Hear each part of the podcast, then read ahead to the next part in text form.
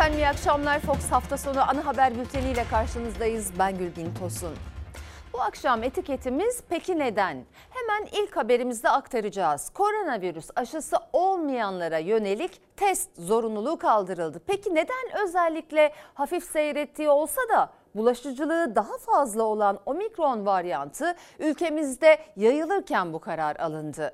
Türkiye'de yasaklı ırk olarak kabul edilen köpeklerin kısırlaştırılıp kimliklendirilmesi için son gün dündü. Pazartesi gününe kadar zaman tanındığı yönünde sadece söylentiler var. Peki neden süre bu kadar kısa tutuldu? Sorunun daha da büyüyeceği gerçeği ortadayken. Peki neden etiketiyle görüşlerinizi paylaşabilirsiniz? Hemen koronavirüs salgını ve az önce bahsettiğim salgınla ilgili alınan son kararla başlayalım bültene.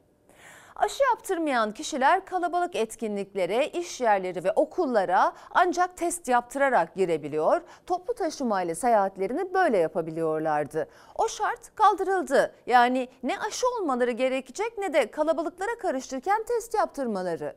Uzmanlara göre bu karar çok yanlış ve bu kararın acaba hangi bilimsel verilere dayanılarak alındığı merak ediliyor aşılı veya aşısız fark etmeksizin herkes her yerde bulunabilir, her yere gidebilir. E, herhangi bir sınırlama olmaksızın insanlar iletişimlerine devam edebilirler.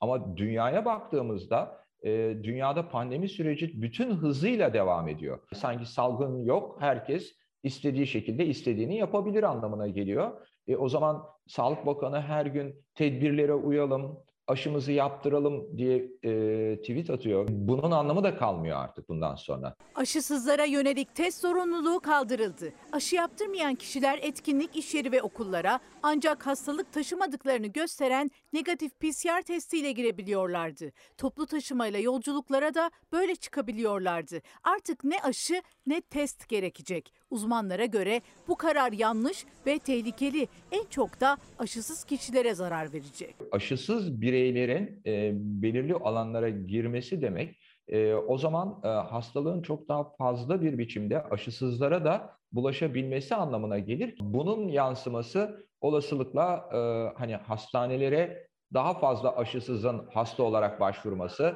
daha fazla aşısızın yoğun bakıma yatması anlamına da gelebilir. Günlük vaka sayıları 70 binlerdeyken her gün 150-200 arası kişi hayatını kaybederken gelen bu karar herkesi şaşırttı. İçişleri Bakanlığı Bilim Kurulu'nun tavsiyesi diyerek bir genelge yayınladı. İç hat uçuşlarında, otobüs, feribot gibi seyahat araçlarında, konser, spor karşılaşmaları gibi etkinliklerde, iş yerlerinde ve okullarda aşı yaptırmayanlar negatif PCR testi getirmek zorundaydı. Artık değil. Sadece semptom gösteren kişilerde test yapılacak. Aşısız kişiler toplu alanlara test yaptırmaksızın girebilecekler. Ama belirti gösterenler teste nasıl sokulacak, belirtinin kararını kim verecek, test nerede yapılacak belli değil. Bir de hastalığı belirti göstermeden yayanlar var. Aşıya da teşvik ediyordu aslında PCR testleri. Bu teşvik konusunda da bir aksama olur mu?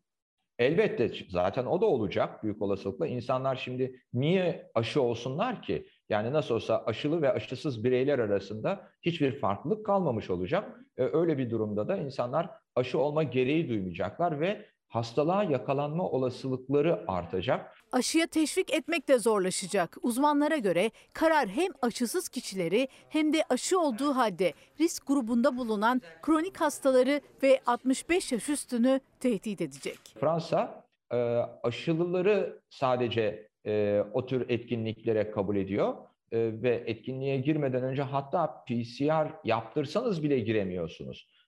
Veya İngiltere aşılı olmayı baz alarak bu tür etkinlikleri düzenlemeye izin veriyor. E, ama e, Türkiye'nin e, hani bizim ülkemizin neden böyle bir kararla sanki pandemi öncesi döneme dönüş yaptığı konusunda da hiçbir öngörüm yok. Yani sanki salgın yokmuş gibi mi?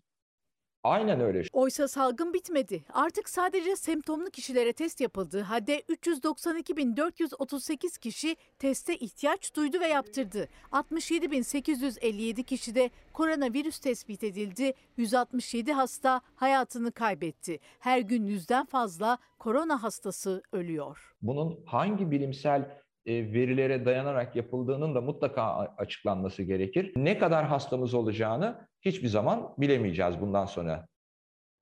Tabii şimdi aşı olanlar da daha fazla risk altına girmiş olacaklar. Sonuçta %100 koruyan aşı yok. O zaman ben de soruyorum. Mesela peki neden hala kamu spotları dönüyor? Aşı hayat kurtarır, aşı yaptırmayı ihmal etmeyin diye.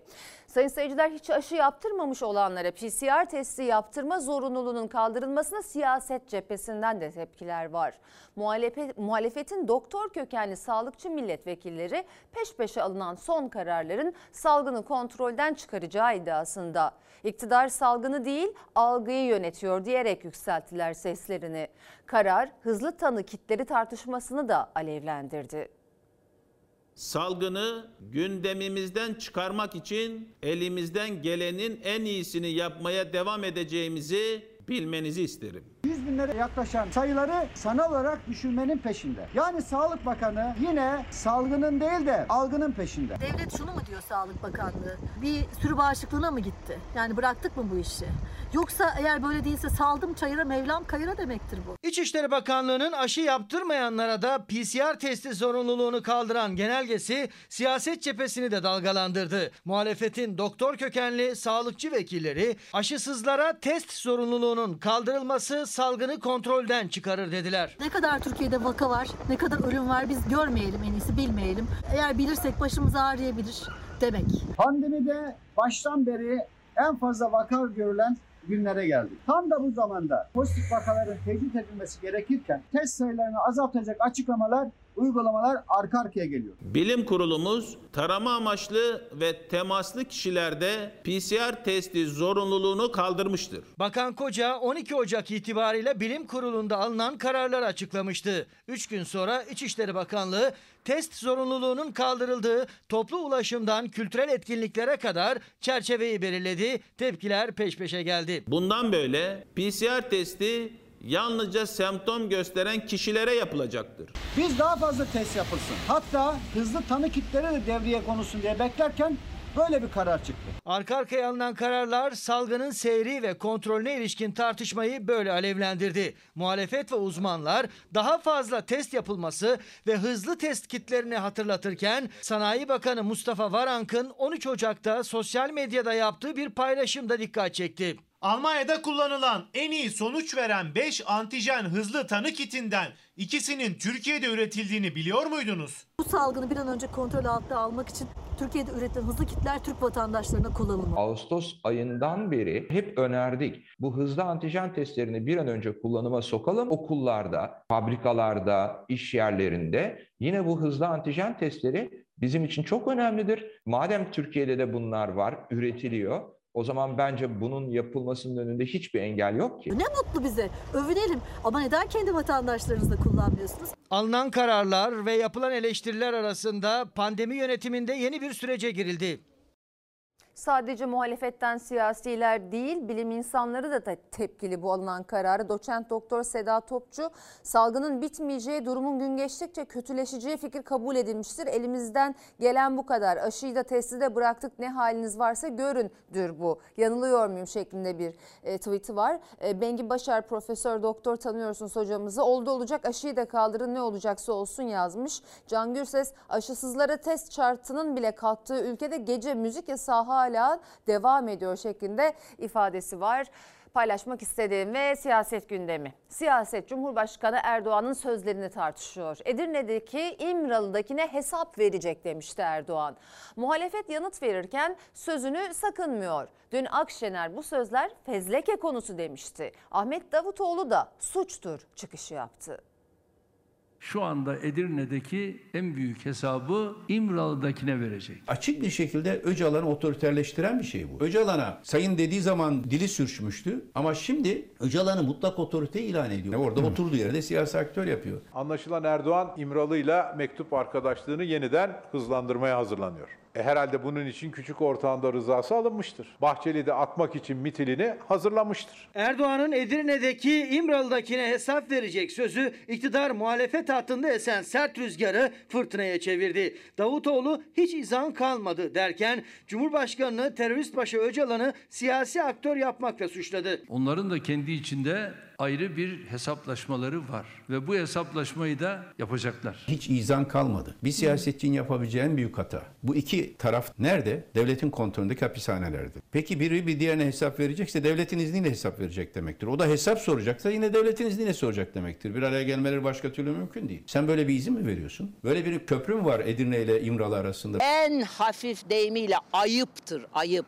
Bu da bir fezleke konusudur. Cumhurbaşkanı çarşamba günü kurmuştu bu cümleleri. O günden beri sessiz ama Ankara yangın yeri. Akşener bu sözleri fezlekelik demişti. Davutoğlu'ndan da suç çıkışı geldi. Söylenen her sözde duello biraz daha sertleşiyor. Esas sıkıntı verici paralel bir siyaset alanı oluşturuyor Kürt siyasetine. Diyor ki HDP'yi kapatırım. Esas paralel siyaset alanı bu. Meşru siyaset alanı daraltırken illegal siyaset alanını genişletmeye dönük bir suçtur aynı zamanda. Bir başka tartışmada bir teröristle fotoğrafları çıkan HDP'li vekil Semra Güzel. PKK terör örgütünün uzantılarını parlamentomuzda görmek istemiyorum. Sen niye susuyorsun? HDP'li milletvekilinin resmi. Hepimiz karşıyız. Kendisi Osman Öcalan'ı PRT'ye çıkarmak izni verip sen onu yapacak. Sonra herkese sanki teröre destek veriyormuş görüntüsü verecek. Davutoğlu fotoğraflar kabul edilemez dedi, tavrını net koydu. Ama arşivleri açmayı da ihmal etmedi. İktidara seslendi. Elinde silahı olan teröriste ipini kaptıran siyasetçi Bay Kemal gibi. Diğerleri. Bu süreci işleten İçişleri Bakanı ve Sayın Erdoğan, Sayın Bahçeli yapmaları gereken şey TRT hakkında soruşturma açmaları lazım. Osman Öcalan'ı kim çıkardı o gün? Suç işlenir mi reyting için? İmralı'dan gelen mektup konusunda da soruşturma açılması lazım. 20 yaşındaki tıp fakültesi öğrencisi Enes Kara'nın cemaat baskısı nedeniyle hayatına son vermesinin yankıları sürüyor. Dün akşam Fox Haber Genel Yayın Yönetmeni Doğan Şentürk moderatörlüğündeki orta sayfada konu detaylarıyla masaya yatırıldı. O çarpıcı detayların ardından Aile Bakanı Derya Yanık da bir açıklama yaptı. Mesele aile içi iletişimsizlik dedi. Biz bu haberi ilk önce bir e, normal intihar vakası olarak haberleştirdik. Sonrasında e, Enes'in video kaydı ortaya çıkınca işin farklı bir boyutu olduğu ortaya çıktı. Biz de araştırmalarımıza başladık. E, araştırmalarımız sonucunda Enes'in e, kalmış olduğu, daha doğrusu e, ölüme sürüklendiği cemaat evinin bulunduğu apartmanı tespit ettik. Türkiye bilinmeyenleri Fox ekranlarından orta sayfadan öğrendi. 20 yaşındaki tıp fakültesi öğrencisi Enes Kara'nın ölümüyle sonuçlanan Elazığ'daki cemaat baskısını ilk ortaya çıkaran Faik Akgün'dü. Gazeteci Akgün canlı yayında orta sayfada anlattı. Hem Enes'in gördüğü sıkıntıları hem de kendi başından geçenleri. Uzun süre biz Enes'in ön otopsi raporuna ulaşamadık. Yayınlanmadı. Olay e, sadece savcı ve polisten, polis nezdinden ziyade şehirdeki bütün bürokratik kesim tarafından da görmezden gelindi. Enes'in okuduğu rektör e, bir açıklama yapmadı. E, dekanı bir açıklama yapmadı. Bir karartma İsterseniz uygulanıyor o- yani. Evet, evet. Bazı az- ajansların şefleri biz bu bunu haber yapmayacağız, geri dön diye e, e, personellerini geri bile çağırdı. Enes Kara Fırat Üniversitesi Tıp Fakültesi 2. sınıf öğrencisiydi. Ölümünü ilk olarak Elazığ Gün Işığı gazetesi yazı işleri müdürü Faik Akgün ortaya çıkardı. Sonra da görevinden alındı. Fox Haber Genel Yayın Yönetmeni Doğan Şentürk moderatörlüğünde deneyimli gazetecilerin kulis bilgilerini paylaştığı orta sayfa bu kez Enes Kara dosyasını açtı. Yetkililer açıklama yapmıyordu ama orta sayfa yine merak edilenleri gün ışığına çıkardı. Çocukların hal ve hareketlerini falan da sorduk komşularına. Komşuların ifadesi şu yönde oldu. Çocukların e, hayattan öyle soğumuş şekilde olduklarını ifade ediyorlardı. Kimseyle konuşmayan, e, hızlı bir şekilde eve gelip giden, kafaları önlerinde kalkmayan çocuklar olduklarını ifade ettiler. Ne tip baskı görüyor çocuklar bu cemaat baskısı diyelim? Cemaat baskısı noktasında şöyle bir baskı oluyor. Bu çocuklara özel bir zaman tanımıyorlar. Evden okula, okuldan eve, ev içerisinde de çok ciddi bir şekilde bu çocuklara e, dini derslere katılma zorunluluğu, kendilerine göre o, o Risale-i Nur dedikleri bir kaynak kitap üzerinden dersler veriyorlar belli saatlerde. Valilikten yapılan tek açıklama soruşturma sürüyor. Ama şüpheli kimse var mı? Yurt yetkililerinin ifadesi alındı mı bilinmiyor. İktidarın açıklaması ise suçlunun çoktan bulunduğu yönünde. Aileler açısından baktığımızda da tipik bir iletişimsizlik sıkıntısını görüyoruz. Aile Bakanı'na göre sorumlu aile içi iletişimsizlikti. Cemaat konusuna hiç değinmedi. Burada başka pek çok şeyi konuşabiliriz. Pek çok şey tartışılabilir uzun uzun ama iki şey var. Çok genç bir çocuk öldü ve bir iletişim problemi olduğu e, düşünülüyor. Cemaat baskısının ölüme götürdüğü Enes Kara için Taksim'de de eylem vardı. Kaymakamlık eylemi yasakladı ama gençler protestoda kararlıydı. Eylemcilere polisin müdahalesi sert oldu. 28 yaşında kadına karşı şiddetle mücadele veren avukat Dilara Yıldız erkek cinayetine kurban gitti. Onun ölüm haberi gelmeden iki gün önce ise Adalet, İçişleri ve Aile Bakanları kadına karşı şiddetle mücadelede yol haritasını belirlemek için bir aradaydı. Tartıştıkları başlıksa kadın derneklerinin tepkisini çekti. İçişleri Bakanı Soylu mağdur kadın da takipte olsun derken Aile Bakanı kadınlara daha dikkatli olun dedi. İçişleri Bakanımız tedbir kararı alınmışsa mağdura da yasak koymalıyız. Bu hukuken tartışılabilir ayrı bir şey ama kadınların özellikle kendilerini bir uzaklaştırma kararı almaya mecbur kılacak kadar tehdit eden bir süreçte daha dikkatli olmaları gerekiyor. Yani. Benim ablam avukat. Onlarca kadının hakkını savundu ama biz ablamı koruyamadık. Kadına şiddetle mücadeleden sorumlu iki bakan kadınlara daha dikkatli olun uyarısında bulunurken 28 yaşındaki avukat Dilara Yıldız tüm mücadelesine rağmen katledildi. Kadın örgütleri tepkili. Tedbir kararlarında özellikle evlilik birliği içinde işte çocuk varsa yeniden bir araya gelmek vesaire gibi bir takım takdir haklarını kullanıyorlar. Bu süreçte biraz dikkatli olmak lazım. Siz o erkeklere buluşmaya keyfen çay veya kahve içmeye mi gittiklerini sanıyorsunuz Sayın Bakan? Oraya ya çocuğunu öldürürüm ya ailene zarar veririm düşünceleriyle tehdit edildiği için gitmek zorunda kalıyor. Kadın çaresizliğin içinde kendine bir çare yaratmaya çalışıyor. Aile Bakanı Derya Yanık'ın verdiği resmi rakamlara göre geçen yıl 307 kadın öldürüldü. Yani neredeyse her gün bir kadın erkek cinayetine kurban gitti. Kadın acil destek ihbar sistemine ise 159 bin kadın başvurdu hayatından endişe ederek. Can güvenliği tehdidi var. İstanbul Sözleşmesi'nden vazgeçmek de bu kadın cinayetlerini arttırıyor. Üç bakan, Adalet, Aile ve İçişleri Bakanları kadına yönelik şiddetle mücadele 2022 yol haritasını belirlemek için bir aradaydı. Kadına şiddetin arttığını da kabul eden bakanların toplantıda verdikleri mesajlarsa kadınları tatmin etmedi. Sayın İçişleri Bakanı kadınlara da tedbir kararı koyalım ki tedbir kararı konulmuş erkeklere buluşmaya gitmesinler diye. Neden elektronik kelepçe uygulanmıyor? Elektronik kelepçe meselesinde de geçmiş yıllara nazaran çok üst bir tedbir uygulandı. Şikayette bulunmuş Cumhuriyet Savcılığına takip edildiğini, rahatsız edildiğini, eski erkek arkadaşı ve nişanlısı olduğunu söylediğinde bir elektronik kelepçe gündeme gelmiş midir? Hayır. Eski nişanlısı Oktay Dönmez tarafından öldürülen Dilara Yıldız bir avukattı ve tüm önlemleri almak için sonuna kadar uğraştı ama uzaklaştırma kararı aldırmasına rağmen katili evine o yokken rahatça girdi. Oysa 5 ay boyunca ettiği tehditlerden, tacizden dolayı tutuklu olsaydı ya da en azından elektronik kelepçeyle takipte olsaydı genç kadının yakınına bile yaklaşamayacaktı. Benim ablam defalarca şikayet etti.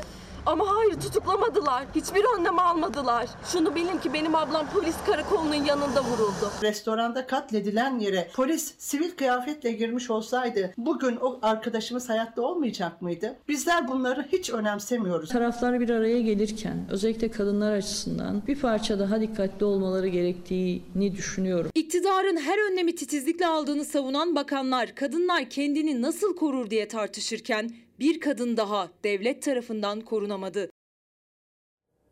İktidarın da muhalefetin de gündeminde ekonomi ve enflasyon var. Cumhurbaşkanı Erdoğan kura endeksli mevduatla oyunları bozduk dedi. Çalışanlara yapılan zamların rahat, rahatlatıcı olduğunu söyledi. Ama enflasyonla ilgili sözleri dikkat çekti. Erdoğan Kılıçdaroğlu arasındaki seçim düellosu da her geçen gün tırmanıyor. Faiz fiyat artışlarının ve yükselen enflasyonun milletimizi bunalttığını biliyoruz. Milletimiz pahalılık altında inim inim inliyor. Memurlarımızı rahatlattık mı? Emeklilerimizi rahatlattık mı? Asgari ücreti hiç tahammül edemeyecekleri bir seviyeye çıkardık mı? Mart ayına doğru üretici enflasyonu %100'ü bulur. Tüketici enflasyonu %50'yi rahatlıkla geçer. Yani görünen o keşke geçmese. Kura endeksli Türk lirası dedik bütün oyunları bozuldu. Erdoğan kur korumalı mevduat hamlesiyle onları bozduk dedi ama enflasyon bunalttı. Öz eleştirisi dikkat çekti. Muhalefet enflasyon için daha karamsar bir tablo çizerken Cumhurbaşkanı daha önce benzin kuyrukları için Batı ile yaptığı kıyaslamayı bu kez enflasyon için yaptı. Amerika'ya bak. Enflasyon felaket. Avrupa'ya gelin. Aynı. Aradığınız gıda ürünlerini bile bulamıyorsunuz oralarda. Belli ki başka bir evrende artık. Ne dese tutmuyor. Çünkü kimse yemiyor. Siz sürekli karamsarlık havası pompalayanlara aldırış etmeyin. İktidar rüyası görmeye kalkınlara aldırış etmeyin. Cumhurbaşkanı Erdoğan Aydın'daydı. Açılışlar yaptı. Konuşmasında ise en çok Kılıçdaroğlu'nu hedef aldı. Son günlerde Millet İttifakı'na daha adayınız bile belli değil baskısı yaparken CHP liderine bir göndermesi daha dikkat çekti. 1 milyar dolarlık bir tesisi kazandırmış oluyoruz. E Bay Kemal ne yapacak? Ona da bir şey kalması lazım. Hem benden çekiniyor, arkaya dolanıyor, arkadan bir sürü laf ediyor. Ya sen çık karşıma kardeşim, çık karşıma. Kurdukları ittifakla ülkenin yönetimine taliplermiş. Ya Allah aşkına şu CHP'nin bu ülkede yaptığı ne var ki? Dikili bir ağaçları var mı? Ne yaparsa yapsın beyefendi gidici artık. Millet tahammül edemiyor. Yalana tahammül edemiyor. Zama tahammül edemiyor. Haksızlığa tahammül edemiyor. Erdoğan'la Kılıçdaroğlu arasındaki tek duello konusu seçimlerde değil. Kılıçdaroğlu'nun Şanlıurfa'da yaptığı belediyeyi alırsak güneş enerjisiyle elektrik üretip çiftçiye bedava vereceğiz sözünün peşinde Erdoğan. Elektriğin şu anda yönetimi kimde?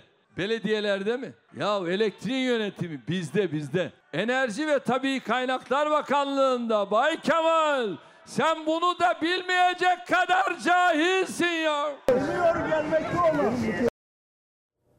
Hazine ve Maliye Bakanı Nurettin Nebati çalışanı enflasyona ezdirmedik dedi ama memur iki gündür eylemde. Cumhurbaşkanının vaat ettiği yüzde iki buçukluk ek zammı da mecliste iktidarın önergesine takıldı. Ocak ayı maaşına yetişmedi tepkilerini kumbara kırarak bordura yakarak gösterdiler. Şaşırma, sabrımızı taşırma. Çalışanlarımızın ücretleri %50 artırıldı. Kamu çalışanlarımızda her türlü enflasyon üstünde düzenlemeler yapıldı. Konuyu burada bir açıklık getirelim. Zam enflasyonun üzerinde bir artıştır. Sabit gelirliler ne zaman enflasyona ezdirildi? %2,5 artışı refah payı diye yutturmak istiyorlar. Hazine ve Maliye Bakanı Nurettin Nebati Milli İrade Platformu'nda Bilal Erdoğan'ın da katıldığı bir toplantıda çalışanları nasıl memnun ettiklerini anlatırken Türkiye'nin dört bir yanında memur eylemi vardı. Geçinemiyoruz diyen memurlar kumbara kırdı, bordro yaktı. İnsanca yaşamak istiyoruz. Hükümet kendi açıkladığı enflasyon farkını dahi memura vermemiştir.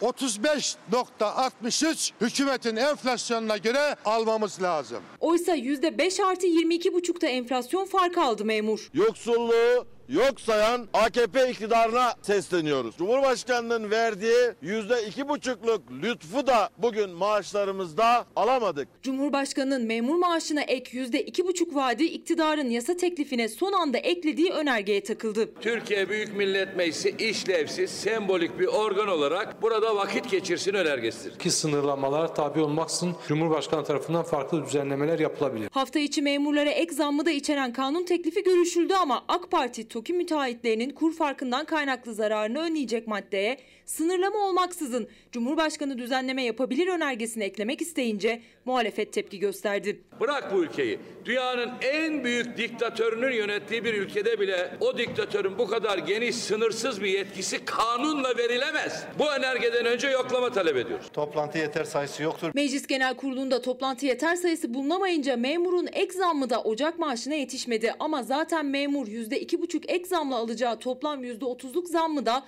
yetersiz buldu. Enflasyona ezildik dedi, peş peşe eylem yaptı. Sermayeye değil, emekçiye bütçe. Tek sorunumuz var. Enflasyon. Bunda farkındayız. Gözümüzü kapattığımız yok. Enflasyon son 20 yılın zirvesine çıktı. Efendim son 20 yılın en büyük enflasyonuyla karşı karşıyayız. Doğru. Amerika Birleşik Devletleri de aynı şekilde dertli. Avrupa da aynı şekilde dertli. Kurdaki kısmi düşüşe rağmen akaryakıt ürünler olmak üzere iğneden ipliğe zam sahanağı devam ediyor. Tam zamanında yapılacak olan seçimlere tek haneli bir enflasyonla gireceğiz. Yeni yılla birlikte yürürlüğe giren elektriğe kademeli tarifeyle fahiş faturalar gelmeye başladı. Vatandaş gibi siyasette 2'ye 3'e katlanan faturalar nasıl ödenecek sorusunun peşinde. İktidar faturalar için sessiz ama muhalefetten hem tepki hem de ödeme zorluğu için öneriler peş peşe geldi. Ayda 200 kilowatt saat elektrik tüketen 4 kişilik bir ailenin elektrik faturası bir gecede 183 liradan 309 liraya çıktı. Elektrik faturalarında tarifeler vatandaşlarımız lehine düzenlenmiştir. Evlerde elektrik faturası yangını var. Beştepe suspuz. Henüz suçlayacak hayali düşmanı bulamadılar. Yeni tarife değişikliğiyle birlikte elektriğe %52'den başlayıp %127'lere varan oranlarda zamlarla girildi yeni yıla. Zamlı ilk faturalar gelmeye başladı. Muhalefet günlerdir doğalgaz ve elektrik zamlarını gündemden düşürmüyor. Eleştiri oklarının hedefinde ise Cumhurbaşkanı Erdoğan var. En mütevazı eve 400 lira elektrik faturası, 600-700 lira doğalgaz faturası geliyor.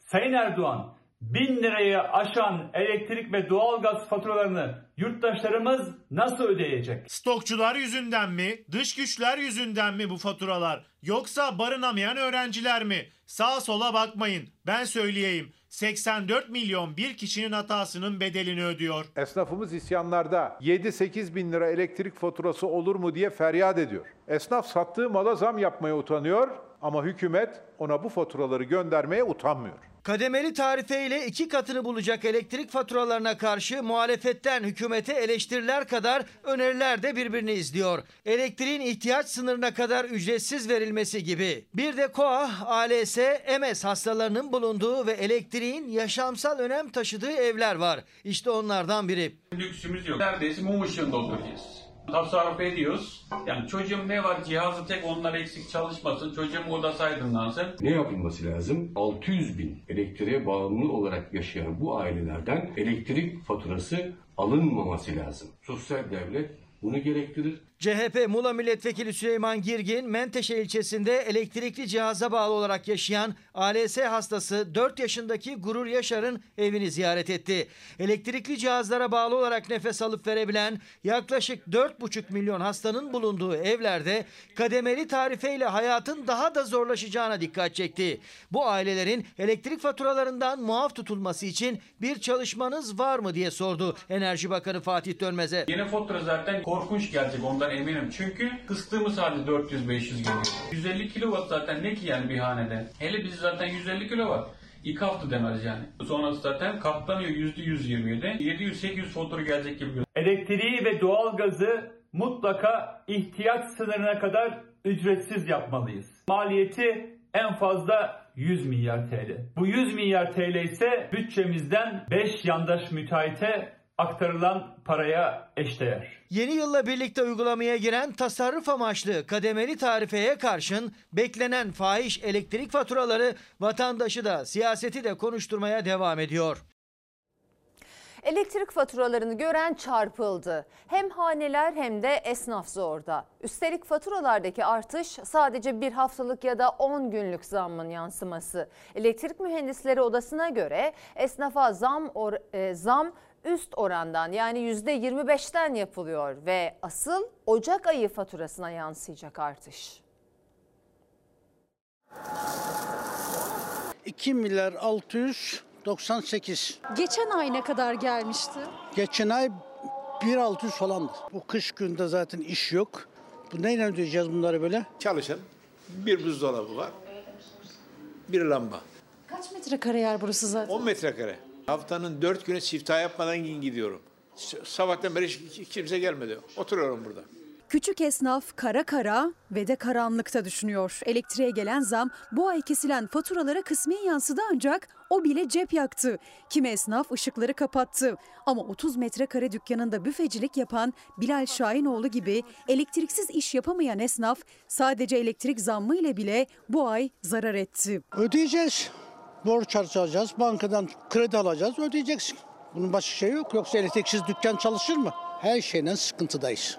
Allah sonumuzu hayretsin. 10 metrekarelik dükkanında Muammer Bey müşteri gelmedikçe ne klimayı açıyor ne de ışıkları. Onun böyle bir lüksü var ama hemen karşısındaki kasabın böyle bir seçeneği bile yok. Çünkü işi et ve bu etlerin buzdolabında beklemesi gerekiyor. Geçen sene bu aylarda 600 700 lira elektrik parası ödüyorduk. Geçen ay 2050 liraydı, bu ay 2850 lira. 800 lira daha fazla kazandığınız Tam oldu. tersi. Tam tersi, daha da düştü yani işler. Soğuk zinciri olan işletmeler zorda. Küçük esnaftan biri olan berberlerdi. Müşteri gelmedikçe şalteri indirerek tasarrufa gidiyor onlarda. 100 lira, 150 liraydı şimdi. 338 lira falan geldi. Bir Chopin var ve zaten gündüzleri yakmamaya çalışıyoruz. Müşteri geldi mi yakıyorum ama normalde işler durgun. Elektrikten de tasarrufa mı başladınız? Mecburiyet karşısında. Eğer günlük tüketiminiz 5 kilowatt saatin üstüne çıkıyorsa ortalama, Ocak ayı içerisindeki o 3 günlük, 5 günlük, 6 günlük zamlı tarife bile inanın müthiş can yakıyor. Müthiş can yakıyor. Niye biliyor musunuz? Çünkü 5 kilowatt saat ve altındaki ortalama günlük tüketime gelen zam %50. 5 kilowatt saat ve üstündeki mesken abonelerine gelen zamsa %125'in üzerinde neredeyse bir zam var. Faturalarda ani artışın nedeni ise tam olarak bu. Tüketimi 5 kWh saat üzerinde olan işletmelerin zammı %125. Ama faturaya bakan hesabın içinden çıkamadı. Çünkü elektrik zammı Ocak başında geldi. Faturalara bir haftalık zam yansıdı. Aralığın son 3 haftası ise eski hesaba göre yapıldı. Yani asıl cep yakacak zamlı fatura önümüzdeki ay kesilecek. Şu anda bile o ilk haftalık fark bile müthiş can yakıyor. O yüzden siz zaten habercisiniz bunu göreceksiniz sokaklarda. Şubat ayı, Mart ayı faturalarını ben inanın düşünmek bile istemiyorum. İtirazlar Elektrik Mühendisleri Odası'na da EPDK'ya da yansımaya başladı. Faturaların yeniden düzenlenmesi talep edildi. Ancak problemi büyüten asıl sorun tüketim bedeli dışında neye ne kadar ödendiğinin faturalarda yer almaması. 2016 yılına kadar bizim elektrik faturalarımızda perakende hizmet satış bedeli vardı. Dağıtım sistemi kullanım bedeli vardı. iletim sistemi kullanım bedeli vardı. Kayıp kaçak bedeli vardı. Sayaç okuma bedeli vardı. Tüm kalemleri görüyorduk. Hesaplaması daha kolay. Sadeleştiriyoruz. Vatandaşa yardımcı oluyoruz diyerek bu bilgiler de gizlendi. Lokantaya gidiyorsunuz. Yemek yiyorsunuz. Adisyonu görmek istiyorsunuz değil mi? Bu sizin en doğal hakkınız. Buradaki esas problem bizden bu bilgilerin artık gizleniyor olması. Ete zam yolda. Özellikle mazot fiyatlarındaki sürekli yükseliş ve yem fiyatlarının da geri çekilmemesi et toptancılarını zam kararına itti. Kasaplar müşteri kaybından kaygılı. Et fiyatlarında bir zam beklentisi ya da zam var mı? Evet e, şöyle önümüzdeki hafta evet zam geleceğini söylediler bir 3 lira gibi. Dün haber geldi bize. Pazartesi günü 10 TL zam geleceği söylendi. Biz de şoktayız. Et toptancıları kasapları arıyor. Haftaya zam beklentisi var. Karkas satışında 3 ila 10 lira arasında artış bekleniyor. Fiyat tüketiciye de yansıyacak. Pazartesi olsun belli olur her şey yani. Yani gerekli yerlere söyleyeceğiz artık. Yeter artık bu millet de bıktı yani. Ne alacak artık? Bu milletin hali yani artık. Aslında et piyasasında karkas kesim fiyatlarında yılbaşından bu yana geri çekilmeler olmuştu. Ancak alışveriş yaptıkları tüccarlar kasapları aramaya ve gelecek hafta zam yapılacak bilgisini vermeye başladı. Gerekçe olarak yükselen mazot fiyatlarını yani nakliye giderlerini, elektrik zamlarını ve yem fiyatlarını gösterdiler. Şimdi eskiden diyorlardı ki dolarla oluyor diyor. Şimdi benzine zam yaptığı için benzinle oluyor diyor. Yem fiyatlarının düşürülmediğini bundan dolayı da tekrar 2,5-3 liranın geleceğini söylediler bu haftayla. Tüketiciye yansıması nasıl olacak? İlla ki biz e, bir önceki e, şöyle söyleyeyim yılbaşından önce dediğimizde bir 100 liraydı kıyma. 95 liraya çektik. Tabii ki bu zamlar geldiğinde 105 liraya kadar kıyma fiyatlarının artacağı bir- bu görüntü onu gösteriyor. 60 aldığımız ürün şu an 70 olarak gelecek. Ve biz bunları fiyat olarak nasıl yansıtacağımızı şaşırdık yani. Düşünüyoruz, düşünüyoruz nasıl yapacağız bilmiyoruz yani. Mahalle kasaplarında hali hazırdaki ortalama fiyatlar. Kuşbaşı 115 lira, kıyma 100 lira, dana antrikot 125 lira. 100 lira 120 lira dediğimizde kadın olsun erkek olsun bir 5 dakika bir duraksıyor. Son zamanlarda hani 10 lira 5 lira kıyma isteyen insanlar var. Tabağa da geliyor, poşete de geliyor, her şeye geliyor. Biz sadece ete gelen 10 lirayı ete yansıtıyoruz. Tabağa gelen zammı biz ete yansıtmıyoruz. O bizim cebimizden gidiyor. Tüketici bu fiyatlarla bile almaya zorlanırken şimdi yeni zam beklentisi var kasaplarda. Dükkan giderlerindeki artış da üstüne katıldığında etiketlere en az %10 oranında zam yansıtılması gündemde. Vatandaşa faturalandırılıyor her şey ama dediğim gibi her şey geçecek. Bugünlerde geçecek. Yani yaşamak, hava almak bile zammış şu ülkede. Anlatabiliyor muyum? Ete.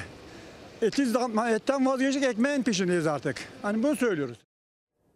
İki ay önce İzmir'de Cumhurbaşkanı Erdoğan'ın da katıldığı bir törenle depremzedelere anahtarları teslim edildi.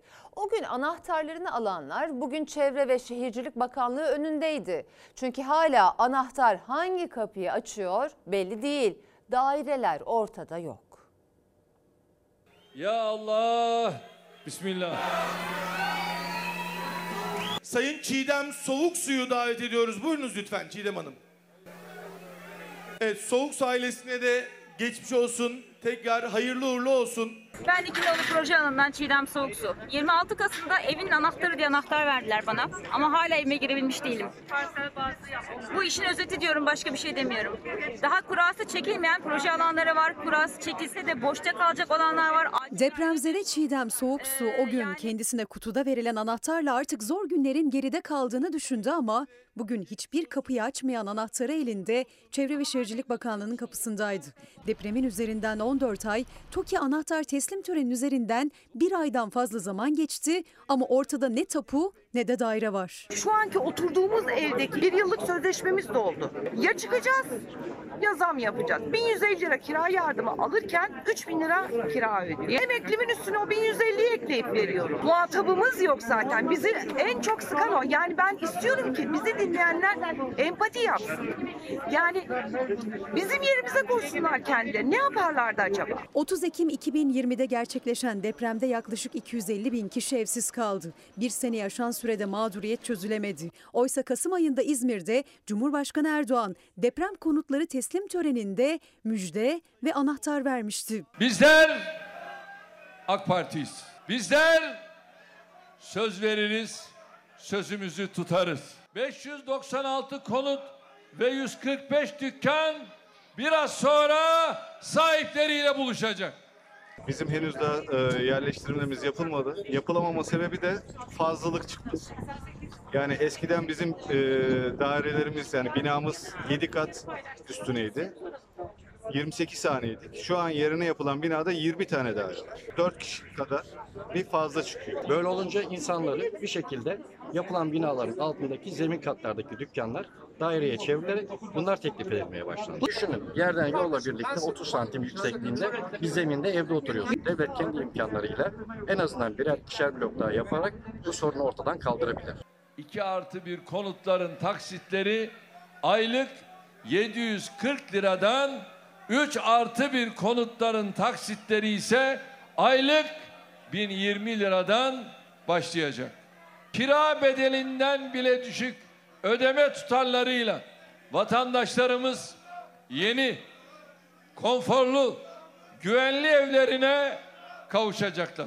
Faiz ödeme durumunuz var mı? Tefe göre dediler ama o da değişebilir şimdiki ekonomik şartlara göre. Ona da güvenmiyorum. O gün törende umutla bir araya gelen depremzedeler bugün Çevre ve Şehircilik Bakanlığı'nın il binası önündeydi. Anahtarı olanlar dairesini görmek istiyor. Kurası çekilmeyenler de kuralların tamamlanmasını. Hala çözümsüzlük devam ediyor.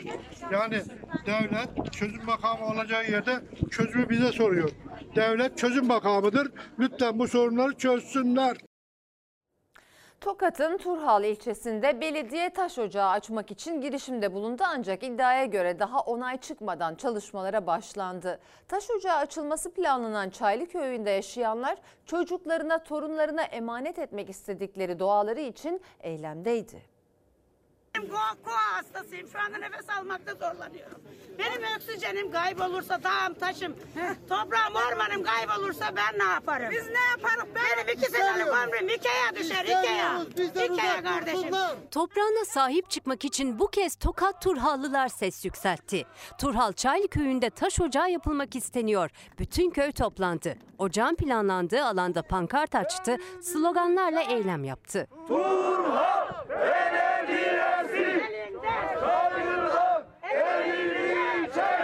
Erbaa'nın 26 köyünde altın madeniyle e, uğraşırken işte Niksar'da keza yine şimdi Çaylı'da e, Kazoğa gibi verimli bir arazide taş ocağı çıkarma kararı alınmış. Patlama yapıldığında alt tarafta yerleşim yeri olan tüm evlerimizin zarar göreceğini, ekilen tüm mahsullerinin zarar göreceğini, yeraltı kaynaklarının kaybolacağı kaçınılmaz olacaktır. Attı mıydı bombayı üstümüze düşer. Aynen öyle. Teklerinde. İddiaya göre Turhal Belediyesi Çaylıköy'ü Eğertepe mevkiinde taş ocağı ruhsatı aldık diyerek çalışmalara başladı. Köy halkı itiraz etti. İtiraz sürecinde de aslında ruhsat alınmadığını öğrendiler.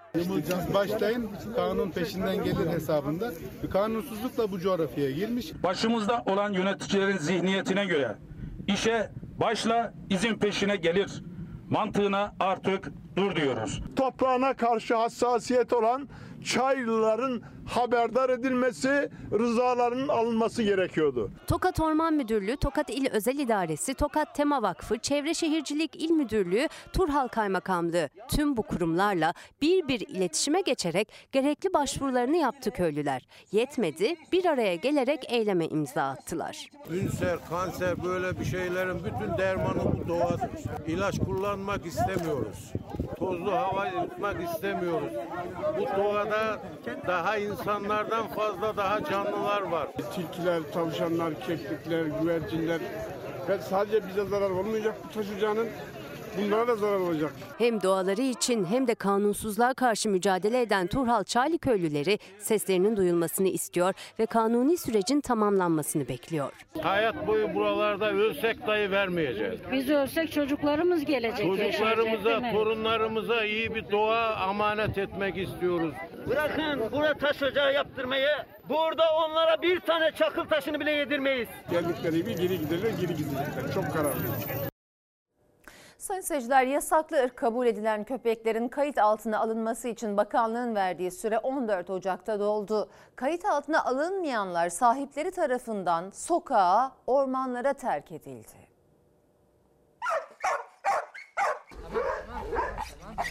Bu durumda zaten hayvanı düşünen yok. Hayvanın sahibi bile hayvanını terk ediyor. Ama fatura en masum olana, bu işte hiçbir suçu olmayan hayvanlara verilmeye çalışılıyor. Biz de bu nedenle son bir aydır e, bas bas bağırıyoruz. Bakanlığa ne olur bu süreyi en azından 1 Nisan'a kadar uzatın. O süre uzatılmadı. Yasaklı ırkların kayıt altına alınması için verilen süre 14 Ocak'ta doldu. Sahipleri para ödememek için birçok hayvanı sokağa terk ederken Hayvan Hakları Federasyonu'na göre asıl tehlike yeni başladı. Hayvanın sahibi terk ediyor. Hayvanın kendisinden vatandaş zaten bir şekilde medyanın da pompalaması nedeniyle ürküyor. Terk edildikleri yerler şehir içi, kamunun yaşadığı yerler. Dolayısıyla önümüzdeki günlerde aynı Antep olayında gördüğümüz gibi benzeri ısırılmalar, vatandaşın şikayetini daha fazla göreceğiz. Çünkü bu hayvanlar salınmış durumdalar. Kimi zaman sürüklenerek, kimi zaman zorla toplandı hayvanların birçoğu. Tarım ve Orman Bakanlığı'nın açıklamasına göre 20.843 köpek yeni uygulamayla kayıt altına alındı. Kayıt altına alınmayanlarsa sokaklara terk edildi. Sahipleri o 1000-1500 liralık kısırlaştırma parasını dahi vermiyorlar. E, devlet de süreyi hem uzatmıyor hem bunun gösterdiğimiz fon yerini karşılamak için herhangi bir teşebbüste bulunmuyor. Birkaç belediye sırlaştırmaları bir ücretsiz yapalım dedi. Orada da veteriner hekimler odaları, dernekleri karşı çıktılar. Sahipli hayvana asla böyle bir şey yapamazsınız diye. Yani çözümsüz bir ortama doğru iş gidiyor. Gelinen çözümsüz süreçte bir başka tehlike de internette devam ediyor. Bakanlığın topladığı yasak ırkların satışı internet üzerinden devam ediyor. Süre doldu.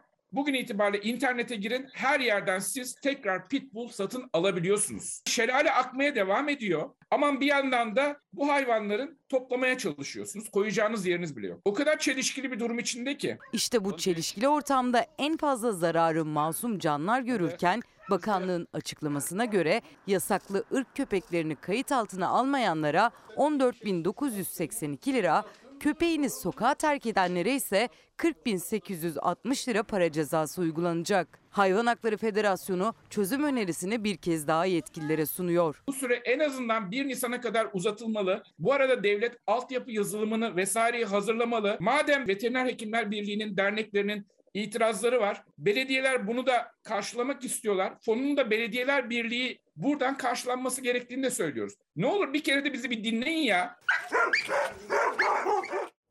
Evet sorun daha da büyüyecek eğer süre uzamaz ise İstanbul Veteriner Hekimleri Odası Yönetim Kurulu Başkanı Profesör Doktor Murat Aslan'ın açıklamasına göre sadece İstanbul'da 7-8 bin yasaklı ırk var. Ama bugüne kadar kısırlaştırılıp kimliklendirilip kayıt altına alınanların sayısı 1500 civarında. Süre uzamazsa o köpeklerin de üremesi devam edecek. Bir işe başladınız madem düzgün yapın. Uzmanları dinleyin, kulak verin. Yarın 36 Sivil Toplum Kuruluşu dertlerini anlatmaya çalışacak. Haykonfet temsilcisi Haydar Özkan'la görüştüm ben de. Onlar da derler ki Sayın Cumhurbaşkanı'nın sözlerinden sonra fırsatçı belediyelerin zalimce hayvan toplamasına dur demek ve yasaklı ırkları yaşına bakmadan kısırlaştırma şartı koşarak sokağa salınmasına neden olunmaması için kayıt süresinin uzatılmasını istemek için yarın saat 14.30'da 14.30'da yarın Ankara Ulus Atatürk heykeli önündeyiz diyorlar. Bilmenizi istedim. Efendim Pasifik Okyanusu'nda bir denizaltı yanardağında peş peşe patlamalar yaşandı. Tsunami uyarısı yapılırken patlamalar uzaydan da görüntülendi.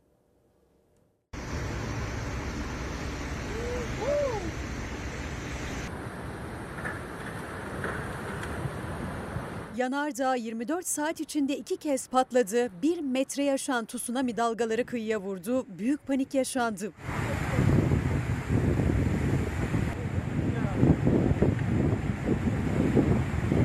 Pasifik Okyanusu'ndaki adalar ülkesi Tonga Krallığı'nda bir denizaltı yanardağ faaliyete geçti. İlk patlama dün yaşandı. Bölge ülkeleri alarma geçiren asıl büyük patlamaysa bu sabah saatlerinde meydana geldi.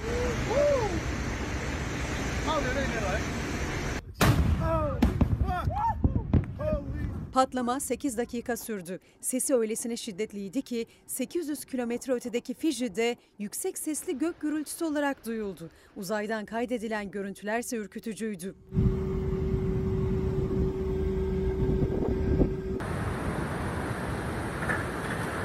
Patlama sonrası Tonga ve bazı komşu ülkelerde tsunami uyarısı yapıldı. Halktan yüksek yerlere gitmeleri istendi. Uyarılardan kısa süre sonra Tonga kıyılarını yüksekliği 1.2 metreyi bulan dalgalar vurdu. Sahile yakın yerleşim yerleri su altında kaldı. Daha küçük tsunami dalgaları ise Amerikan Samoa'sı ve Hawaii'ye kadar ulaştı. Şimdi ara zamanı. Efendim Fox hafta sonu ana haber bültenini burada nokta alıyoruz. Fox'tayın Maske Sen Kimsin'in yeni bölümüyle devam edecek. İyi bir akşam geçirmenizi diliyoruz. Hoşçakalın. Dostuma